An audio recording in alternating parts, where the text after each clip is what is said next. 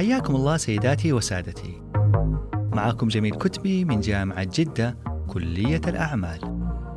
وأهلا وسهلا بكم في بودكاست سايدوز. البودكاست المهتم في نشر جرعات معرفية في مختلف فنون الإدارة والهندسة والاقتصاد.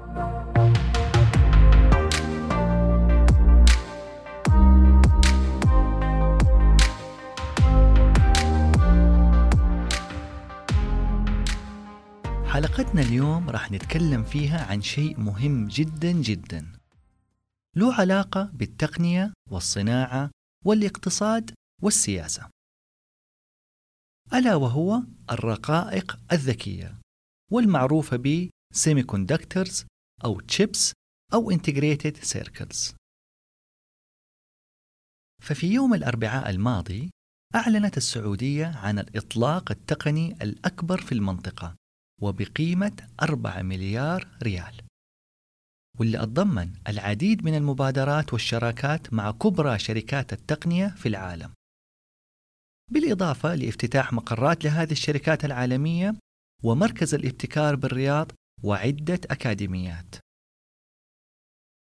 فاللي شدني ولفت انتباهي ونال على إعجابي خلال المؤتمر أشياء كثيرة لكن من أهمها هو إعلان معالي وزير الاتصالات وتقنية المعلومات المهندس عبد الله السواحة عن إنتاج السعودية للرقائق الذكية. وعندي لكم خبر رائع اليوم. بدعم وتوجيه من سمو سيدي ولي العهد اليوم لدينا القدرة وبالفعل صنعنا أول رقائق ذكية في المملكة العربية السعودية. بأيدي سعودية وبعقول سعودية في تطبيقات عسكرية وتجارية ومدنية. هذه الرقائق الذكية اليوم الشيبس هذه عندها قوة معالجية أكثر من ستين ألف ضعف اللي شفناه في رحلة الإنسان للقمر واليوم موجودة في جوالاتكم الذكية وأيضا تستخدمها جميع الشركات العملاقة. هذه الرقائق هي النفط الجديد في عالم التقنية وثورة المعلومات اللي نعيشها اليوم. وتعتبر القلب النابض لكل الأجهزة الإلكترونية اللي نستخدمها في حياتنا الشخصية والعملية. من جوالات وكمبيوترات وسيارات وطيارات وغسالات ومكيفات وأفران وأجهزة طبية ومعدات عسكرية وأقمار صناعية وإلى آخره. فبدون الرقائق الذكية لن تعمل كل هذه الأجهزة والمعدات. وراح تتوقف حياة البشر ونعود للعصر الحجري بلا مبالغة. والسبب بكل بساطة إنه بدونها ما راح نستطيع استخدام التقنية والمعدات والأجهزة. وبدون تقنية راح يتوقف الاقتصاد. وبدون اقتصاد راح تنشل حياة البشر. ولذا أستطيع القول بأن هذه الرقائق هي عصب التقنية والصناعة والاقتصاد. واللي يملكها راح يمتلك ميزة تنافسية جبارة بين كل دول العالم. وراح يصير قوة اقتصادية ومعرفية وتقنية وصناعية. وهذا يفسر التوجه الاستراتيجي للسعودية نحو إنتاج هذه الرقائق الذكية. لنصل بحول الله لمرحلة الاكتفاء الذاتي ثم لتصديرها لاحقا. لكن الموضوع مشعب وما هو بالسهولة اللي يظنها البعض. وراح أحاول بحول الله في هذه الحلقة أفند وأشرح هذا الموضوع وما توفيقي إلا بالله.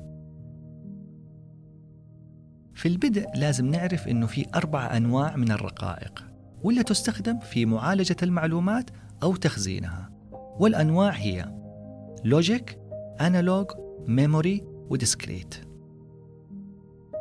تستخدم هذه الرقائق في عدة صناعات وقطاعات سواء مدنية أو عسكرية.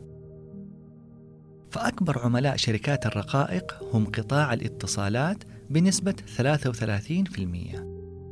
ثم الكمبيوترات بنسبة 28.5% ثم المنتجات الاستهلاكية بنسبة 13.3% ثم السيارات بنسبة 12.2% ثم التصنيع بنسبة 11.9%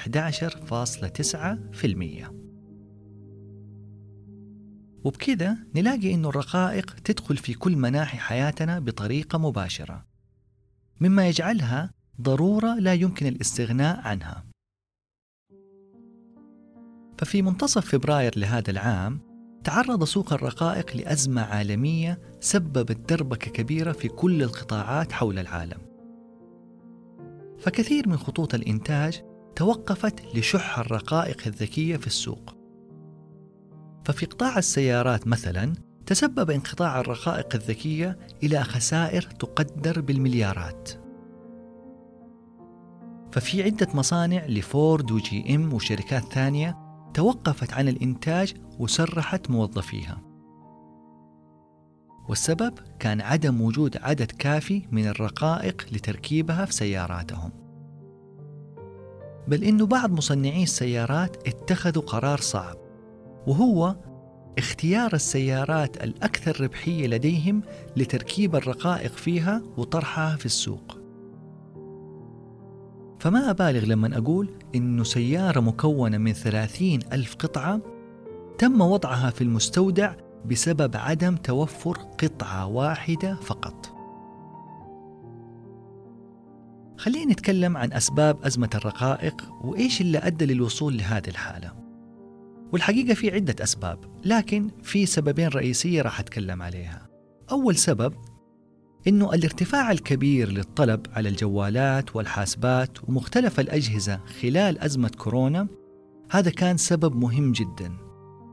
وهذا الارتفاع في الطلب يعود للتغييرات اللي حصلت في سلوك المستهلك خلال فترة الحجر. فخلال فترة الحجر كنا في بيوتنا وارتفعت حاجتنا لمختلف الأجهزة سواء للتواصل أو للعمل أو للدراسة أو الترفيه. الشيء الثاني اللي أدى لظهور هذه الأزمة أنه حصل ارتفاع في الطلب بشكل مفاجئ وغير متوقع في قطاع السيارات بعد انتهاء فترة الحجر. فخلال فترة الحجر كثير من شركات السيارات ما كانت تتوقع أول شيء ما كانت عارفة متى راح تنتهي هذه الأزمة أو متى تنتهي فترات الحجر وأيضا ما كانت متوقعة متى راح يعود الاقتصاد أو ينتعش فلهذا السبب كثير من هذه الشركات خلال فترة الركود قامت بتخفيض مشترياتها من الرقائق الذكية وألغت الكثير من طلبات الشراء. وبكذا فقدت حصتها من سوق مشتريات الرقائق. وهذا أدى لانتظارها لوقت أطول علشان تحصل عليها بعد ما أنتعش السوق العالمي. ففي عام 2020 تم إنتاج تريليون رقاقة ذكية في العالم. يعني ما يعادل 128 رقاقة لكل شخص في العالم. حيث بلغ حجم سوق الرقائق العالمي نصف تريليون دولار تقريبا في 2019 وفي عدة دول قليلة مسيطرة على هذا السوق منها أمريكا وكوريا الجنوبية واليابان وتايوان والصين. فبالنسبة لأمريكا في عدة شركات هناك زي Intel Micron Qualcomm و Broadcom و Texas Instruments و Nvidia. هذه الشركات الأمريكية تملك 47% من حصة المبيعات العالمية في 2019 وبعدها تجي كوريا الجنوبية بحصة 18% وعندهم شركات زي Samsung و SK Hynix وفي شركات أيضا ثانية صغيرة. بعد كوريا الجنوبية تجي اليابان بحصة 10% وبعدها تجي يوروب بحصة 10% أيضا بعدين تجي تايوان بحصة 6% وبعدها الصين بحصة 5% لكن إذا نبغى نعرف أكبر شركات صناعة الرقائق عالية الجودة والتقنية اللي هي تتسمى Advanced Logic Chips. ففي مقدمتها شركة TSMC التايوانية اللي هي اختصار ل Taiwan Semiconductor Manufacturing Company هذه الشركة تقدر قيمتها بنصف تريليون دولار. بعد الشركات التايوانية من ناحية آه، الرقائق عالية الجودة والتقنية تجي الشركات الأمريكية زي Intel و Intel آه، بدأت تفقد آه، بريقها وراح نتكلم في الحلقة عن هذا السبب. بعدين تجينا شركة سامسونج الكورية الجنوبية. ففي عندنا ثلاثة شركات عملاقة تقريبا هي اللي مسيطرة على سوق الرقائق عالية الجودة في العالم. بالنسبة لعملاء شركة TSMC التايوانية عندهم عملاء كبار. عملائهم هم أكبر شركات التقنية في العالم زي Apple، Amazon، Qualcomm والجيش الأمريكي و MediaTek اللي هي شركة كورية جنوبية هذول عملاء TSMC التايوانية طيب ليش هذول كبار الشركات العالمية التقنية آه، بياخذوا من الشركة التايوانية؟ السبب بكل بساطة إنه هذه الشركة التايوانية وصلت لأعلى مستويات التكنولوجيا في صناعة الرقائق الذكية اللي هي تسمى ال five nanometer. وهذه ما تتصنع في العالم إلا في الشركة التايوانية. قوة هذه الرقائق التايوانية حقت TSMC أقوى وأسرع 30% من الرقائق اللي تنتجها Intel.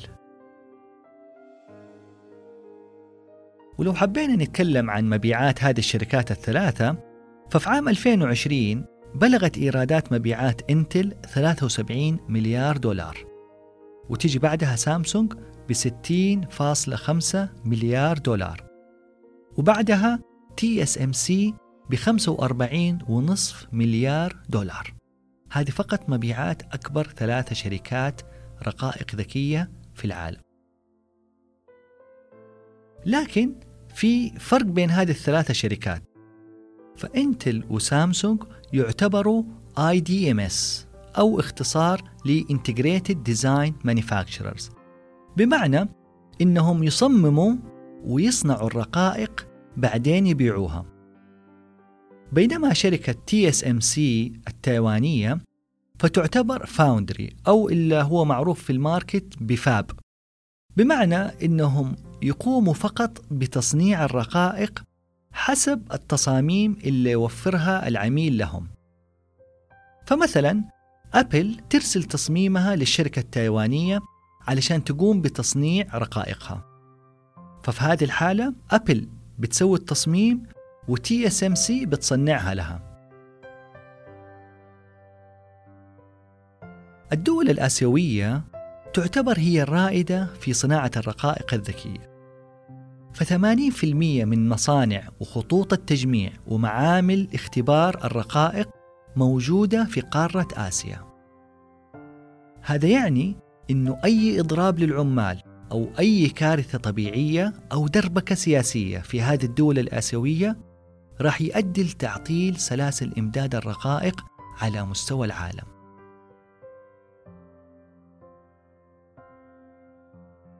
ولما نتكلم عن قارة آسيا لازم نتكلم عن تايوان لأنها تقع في منتصف الصراع الجيوسياسي الأمريكي الصيني. فتايوان هي جزيرة صغيرة ذاتية الحكم قائم اقتصادها على صناعة الرقائق الذكية وعندهم باع كبير جدا في هذا المجال وخصوصا التقنية العالية اللي يملكوها حاليا اللي هي 5 نانوميتر للرقائق الذكية. ورغم أن تايوان دولة مستقلة إلا أن الصين لها نفوذ كبير فيها لأنها تعتبرها جزء منها ويجب إعادة ضمها. وما نستبعد في أي لحظة أن الصين تحتل تايوان عسكريا. طبعا علشان صناعة الرقائق الذكية في تايوان وخصوصا إنه عندهم شركة TSMC فالحكومه الصينية تعتبر صناعة الرقائق بنفس الأهمية الاستراتيجية لامتلاك القنابل النووية. شفتوا لأي درجة هذه الصناعة مهمة؟ طيب أكيد يعني خطر على بالك السؤال البديهي التالي. ليش الصين ما تبني مصانع رقائق خاصة فيها؟ الجواب بكل بساطة هو أن الصين حاولت مئات المرات لإنشاء مصانع رقائق ذكية ولكن هذه المشاريع فشلت رغم أنهم ضخوا أموال طائلة فيها وموارد بشرية في محاولة إنجاحها فحاليا لا يوجد في الصين إلا شركة واحدة لصناعة الرقائق أو إنها هي أشهر شركة وأكبرهم بالنسبة للصين. وتتسمى سميك اللي هو اختصار ل Semiconductor Manufacturing International Corporation لكن جودة رقائق هذه الشركة سيئة وما تتقارن أصلا برقائق TSMC أو سامسونج أو Intel.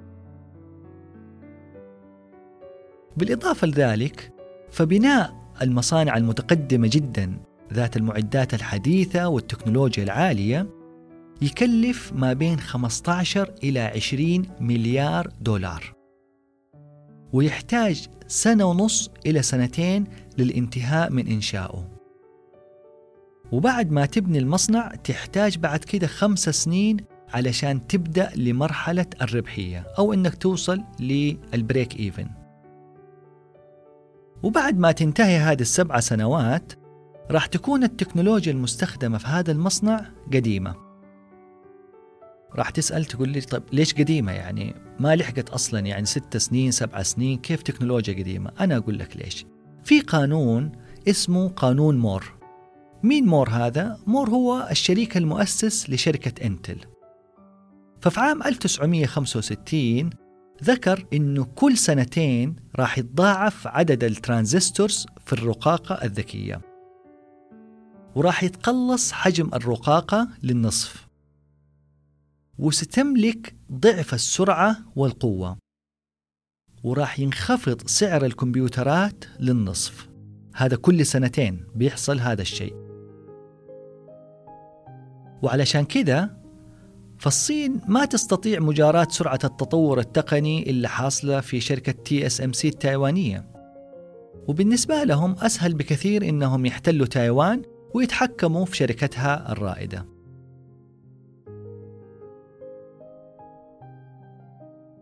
وهنا يجي الجانب الاستراتيجي والسياسي لهذه الصناعة. واللي نشوفه واضح أمامنا في الصراع الجيوسياسي بين أمريكا والصين. فتايوان وكوريا الجنوبية عندهم حماية من أمريكا ويعتبران إحدى أهم حلفائها. فبدون الرقائق التايوانية والكورية راح تتعطل الكثير من الشركات الأمريكية وما راح تستطيع إكمال تجميع أجهزتها في خطوط الإنتاج. فقبل 25 سنة كان 37% من الرقائق الذكية المنتجة في العالم يتم تصنيعها في أمريكا. اليوم انخفضت هذه النسبة لتصبح 12% فقط. فالمواجهة الأمريكية الصينية ما هي حديثة العهد، ولكن مؤخرا ازدادت حدة المواجهة في عهد ترامب واللي أصدر حزمة من العقوبات تمنع تصدير التكنولوجيا والمعدات الأمريكية للشركات الصينية. فمثلا الآلات اللي تستخدم في المصانع المختصة بتصنيع الرقائق عالية الجودة والتقنية اللي هي تتسمى Advanced Logic Chips هي معدات أو آلات لشركات أمريكية زي شركة KLA تنكر هذه شركة موجودة في كاليفورنيا تكلفة كل جهاز من هذه الأجهزة 5 مليون دولار. وعلشان تبني مصنع تحتاج عدد كبير جدا من هذه الأجهزة علشان توصل إلى إنتاج كمي كبير. ولذلك فهذه الحزم من العقوبات زادت الخناق على الصين في مشروعها لتصنيع الرقائق الذكية. بالإضافة لذلك المقاطعة أثرت على أكثر من 60 شركة صينية زي هواوي اللي تحتاج هذه الرقائق طبعا لجوالاتها وأجهزتها اللوحية وغيرها. وأيضا أثرت على شركة سميكا الصينية لصناعة الرقائق الذكية. فحزمة العقوبات الأمريكية منعت أيضا الشركات التابعة لحلفائها زي تايوان وكوريا الجنوبية إنها تبيع الرقائق الذكية للصين ففي نهاية 2020 انخفضت مبيعات شركة TSMC للشركات الصينية بنسبة 70% وهذه نسبة كبيرة جدا خصوصا إنه 25% من إيرادات الشركة التايوانية مصدرها الشركات الصينية. كل هذه العقوبات اللي صدرت في عهد ترامب أدت لانخفاض كبير في إيرادات الشركات الصينية. وفي الجهة المقابلة وعلشان نكون يعني موضوعيين ونوضح المشهد بكل حيادية فالصين ما وقفت مكتوفة اليدين بل إنها قامت بالرد على حزم العقوبات الأمريكية وهذه الحزم حزم العقوبات الصينية على أمريكا شكلت ضغط كبير على الشركات الأمريكية خصوصا أن الصين هي أكبر سوق في العالم. فالقرارات الصينية أدت لانخفاض مبيعات الشركات الأمريكية في الصين. علما أن الصين تشتري سنويا 25% من الرقائق الذكية الأمريكية.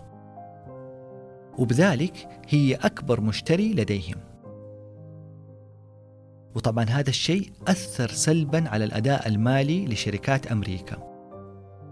وهذا الانخفاض في المبيعات راح يأثر بشكل كبير أيضا على ميزانية البحث والتطوير ال R&D هذه الميزانية تحتاجها الشركات الأمريكية للاختراع والتطوير في مجال الرقائق الذكية.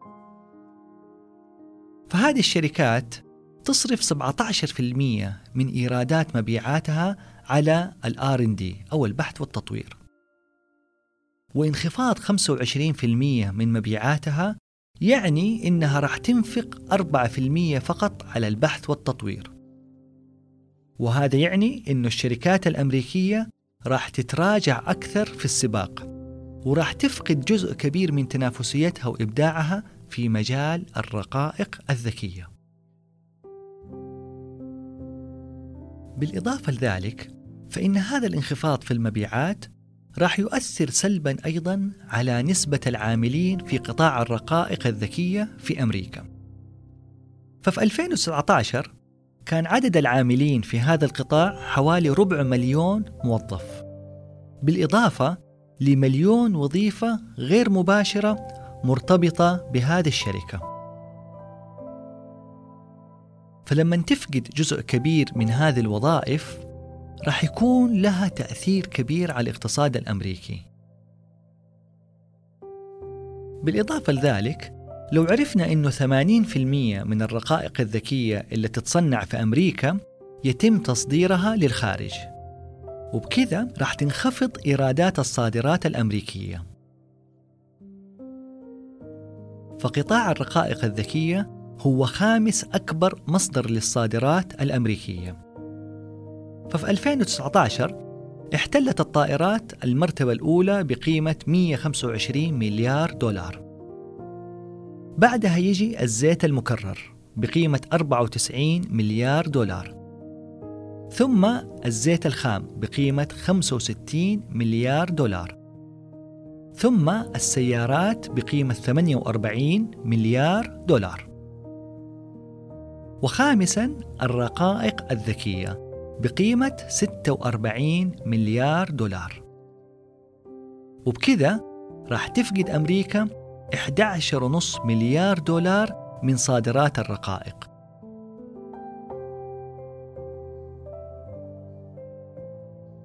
طيب خلينا ناخذ منظور ثالث لهذا الصراع الأمريكي الصيني. هذا المنظور من وجهة نظر ال supply chain أو سلاسل التوريد. فلو نظرنا لسلسلة توريد الرقائق الذكية مثلا لشركة أبل راح نلاقي أنه يتم تصميمها في كوبرتينو بكاليفورنيا في أمريكا. وبعد كذا يتم تصنيعها في تايوان. بعدين تنتقل للفلبين علشان يدمجوا الرقاقة مع قطع أخرى. وبعدها تذهب للصين ليتم تركيب الرقاقة مع باقي مكونات جهاز الآيفون في خطوط التجميع. وبكذا يتضح لنا أن سلسلة توريد الرقائق الذكية طويلة ومعقدة وأن كلا طرفي الصراع يعتمدان على بعضهما البعض بطريقة مباشرة أو غير مباشرة. فهدف أمريكا هو تأخير التقدم التقني والصناعي للصين وجعلها متموضعة في نهاية سلسلة الإمداد. وإنها ما تملك أي تكنولوجيا متقدمة راح تزيد من منافستها لها.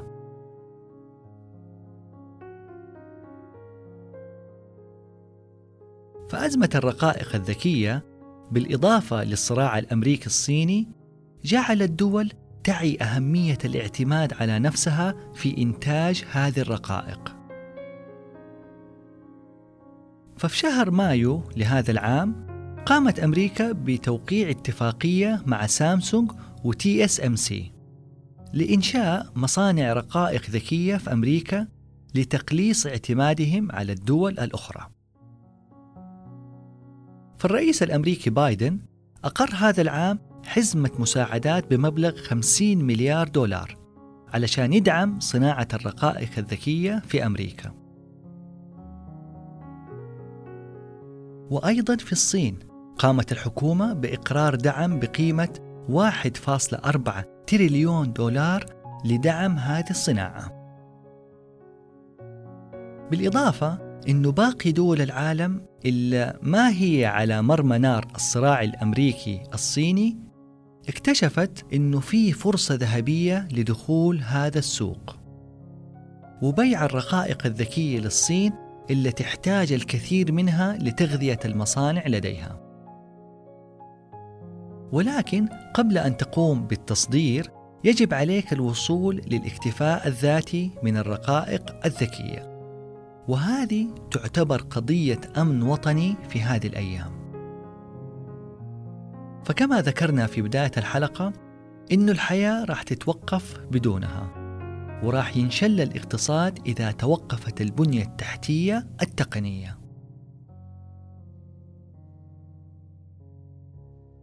فالتوجه الاستراتيجي والتقني بعيد المدى واللي رسمته السعودية لنفسها سيجعلها لاعبا أساسيا في مجال التقنية والتكنولوجيا بحول الله. وراح يساهم بقوة في تنويع مصادر الدخل القومي. وراح يخلق الكثير من الوظائف بطريقة مباشرة أو غير مباشرة. وسيرفع جودة حياة كل من على هذه الأرض المباركة. والأهم من كل ذلك إنه راح يخلق جيل محب ومهووس بالتصنيع والبرمجة والتكنولوجيا والذكاء الاصطناعي والبيانات الضخمة والروبوتات والدرونز. وهؤلاء هم من نراهن عليهم في الفترة المقبلة. ليكونوا خير خلف لخير سلف. فاللي نشهده اليوم من نقلة نوعية في مستوى الخدمات الإلكترونية للجهات الحكومية جعل من السعودية حكومة ذكية توفر خدمات نوعية بكل كفاءة أدت لتسهيل حياة المواطن والمقيم والزائر. وخير مثال على ذلك تطبيقات زي أبشر وتوكلنا وصحتي وغيرها من تطبيقات. فهذه البرمجيات هي جزء من المعادلة التقنية الأمنية. وعلشان تكتمل معادلة الاكتفاء الذاتي التقني يبقى الجزء الآخر والمهم أيضا وهو المعدات الحاسوبية. فأهم هذه المعدات الحاسوبية هي الرقائق الذكية. واللي أعلنت السعودية إنها راح تصبح من أهم مجالات التركيز لديها. فبعد إعلان معالي المهندس السواحة عن إنتاج أول رقاقة ذكية بأيادي سعودية راح ننتقل بعدها الآن إلى مرحلة التصنيع الكمي لهذه الرقائق وبناء المصنع.